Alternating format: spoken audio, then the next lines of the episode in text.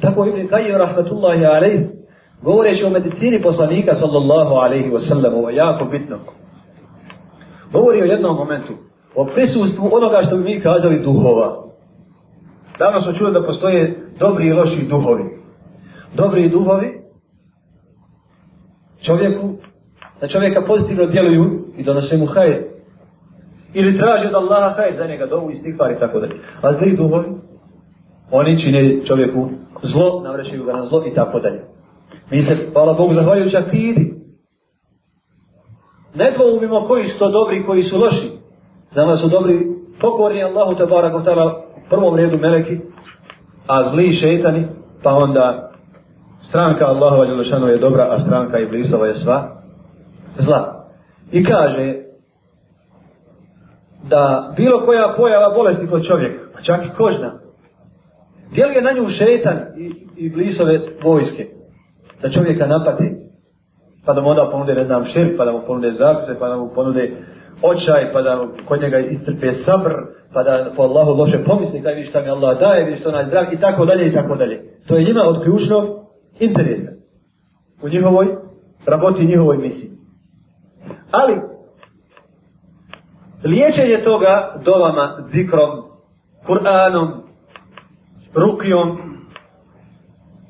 Gdje li je tako da, gdje se god spomene Allah te baraka wa ta'ala, uči Kur'an i tako dalje, dođu da slušaju i dođu da prisustuju meleki. Služimo s ovim terminom, dobri duhovi. I ovi zli bježe, prema tome njihov uticaj prestaje. Njihov uticaj prestaje. I prestaje širenje bolesti dolazi sa Allahom ođelešanu dozvolom do ozdravljenja. Tako je znači sa prisustvom bića koja mi ne vidimo i koja mi ne sumljamo.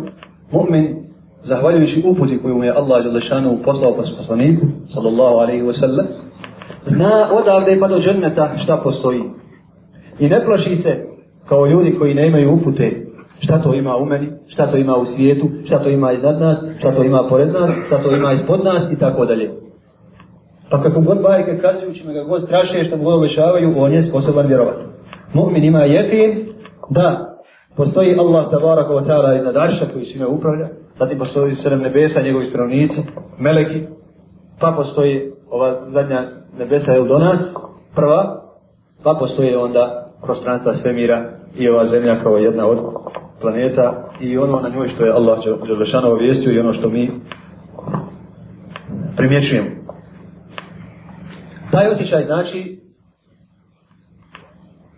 ne dolazi samo iz srca ili samo iz razuma, nego je on prisutan u svemu,